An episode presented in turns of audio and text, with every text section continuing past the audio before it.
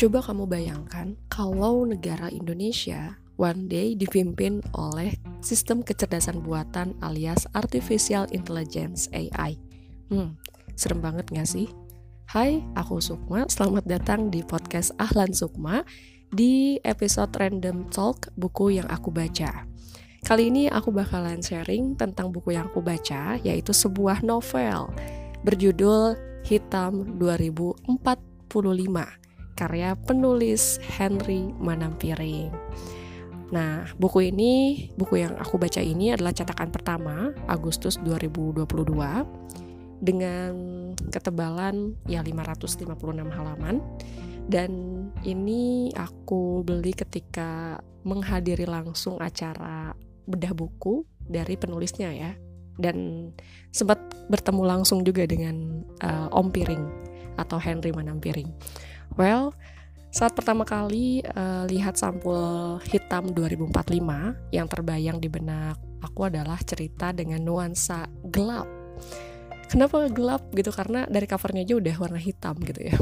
Kemudian fokus uh, aku tuh beralih ke judul yang menunjukkan angka 2045 nah angka ini tuh spontan mengingatkan aku pada jargon Indonesia Emas 2045 wah mungkin kamu yang mendengarkan pernah juga mendengarkan jargon tersebut ya udah tahu gitu Indonesia Emas 2045 tuh apa sih apakah ada hubungannya gitu kan antara Indonesia Emas 2045 dengan cerita yang ada di dalam novel Hitam 2045. Nah, pertanyaan itu akhirnya mendorong aku untuk membaca novel Hitam 2045 lebih jauh. Karena penasaran kan gimana sih gaya cerita seorang Henry Manampiring alias Om Piring gitu di buku ini. Ini kan buku perdana ber apa? genre fiksi ya dengan gaya bertutur cerita yang ya di luar pakem beliau gitu yang biasanya nulis uh, di filosofi teras dengan teoritis begitu tapi di sini juga ada unsur uh, science uh, juga gitu di dalamnya namun terasa lebih mengalir. Oke. Okay.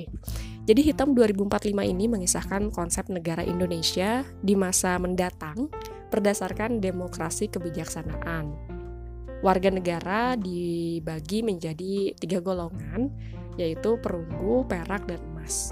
Nah, golongan perunggu itu apa sih?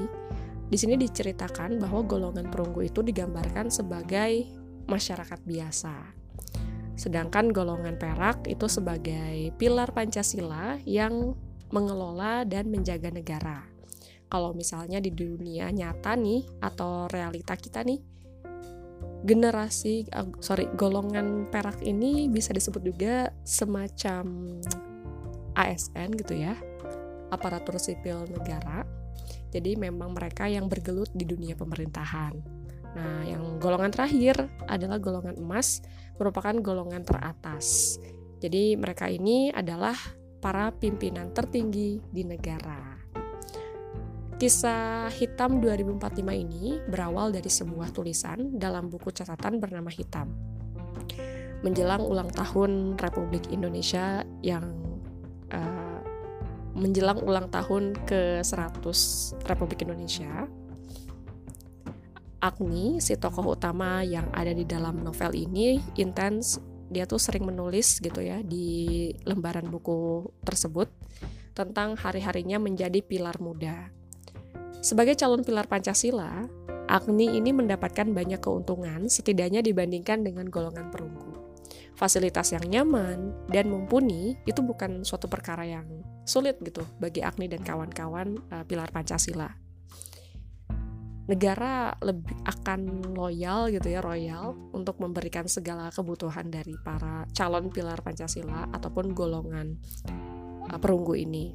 Jadi semuanya terjamin lah ya segala kebutuhan uh, ada gitu dari awal direkrut uh, di usia belia sekitar tujuh tahun kalau nggak salah sampai akhirnya dia menjadi abdi negara di golongan perak atau sorry sebagai pilar Pancasila. Semuanya terfasilitasi. Nah sayangnya segala fasilitas kebaikan yang udah diperoleh sama si Agni ini ternyata tidak berbanding lurus dengan kebahagiaan yang dirasakan olehnya dan juga keluarganya gitu kan terutama papa mama Agni. Papanya Agni meninggal karena kecelakaan lalu lintas saat menggunakan kendaraan otomatis uh, sual kemudi kecelakaan tersebut akhirnya meninggalkan ya semacam luka batin gitu ya bagi Agni terutama mamahnya gitu dan berujung menjadi sebuah teka-teki yang mesti dipecahkan olehnya. Nah inilah pemantik konflik seorang Agni Manan hingga akhirnya masuk dalam daftar musuh negara. Kisah Agni dalam Hitam 2045 disusun secara kronologis, membuat para pembaca harus mengikuti alurnya secara runut. Dari halaman 1 hingga akhir adalah satu kejadian yang berkelindan. Narasi setiap babnya juga membuat pembaca siapa pun pasti bertanya-tanya gitu kan apa yang akan terjadi kemudian karena ketika kita membaca novel ini tuh kayak baca jurnal sebetulnya uh, akan membuat kita penasaran dengan halaman demi halaman yang kita buka Nah, selain itu, penggunaan bahasa dan istilah sehari-hari di dalam tulisan ini juga menjadikan novel Hitam 2045 sebagai bacaan yang ringan, layak baca bagi siapa saja. Oke, setelah membaca Hitam 2045 setebal 500 halaman, ya 500 lebih lah, pikiran aku tuh tergugah perihal konsep negara dan sistem kecerdasan buatan alias artificial intelligence yang selanjutnya disingkat atau lebih akrab disebut AI. Nah, aku tuh ngebayangin gimana jadinya kalau Indonesia di masa mendatang adalah salah satu negara adinaya, adidaya gitu ya. Negara yang berkuasa mengalahkan negara seperti Amerika, Cina, Eropa, dan lain sebagainya. Seluruh elemen ini berpegang ya pada demokrasi kebijaksanaan dan dipimpin oleh kecerdasan buatan gitu ya. Bukan presiden atau pemimpin negara yang sifatnya tuh ya berwujud gitu seperti manusia. Ya dia berwujud manusia sih di di novel hitam 2045 ini. Tapi ya ya gitu. Aduh spoiler dikit nih. Intinya ngeri lah kalau misalnya one day negara kita tuh dipimpin atau negara mana pun ada yang dipimpin oleh kecerdasan buatan gitu. Terlepas dari pro kontra kecanggihan AI yang diberi julukan dasa muka di dalam novel Hitam 2045 ini, kita sebagai pembaca ya perlu meyakini sih bahwa pengaruh dari teknologi amatlah besar gitu peranannya bagi sebuah bangsa, apalagi di zaman sekarang ya. Teknologi dalam wujud sosial media misalnya kan telah menunjang banyak kebutuhan eksistensi manusia di jagat maya. Lebih dari itu, kehadiran sosial media juga menjadi sumber keresahan atas beragam informasi yang belum pasti. Bahkan lebih jauh lagi gitu, teknologi informasi itu bisa menjadi biang perpecahan sebuah kelompok atau kesatuan. Nah, saat cerita rekaan dianggap kenyataan dan kejujuran menjadi narasi fiksi, asik maka terjadilah glorifikasi. Itulah kira-kira ya pesan, salah satu pesan tersirat dari membaca kisah Agni dan tokoh lainnya dalam novel Hitam 2045. Ya, akhir kata sebagai penutup podcast kali ini, selamat membaca Hitam 2045 secara mendalam. Dan sampai jumpa lagi di podcast Ahlan Sukma episode selanjutnya. Bye.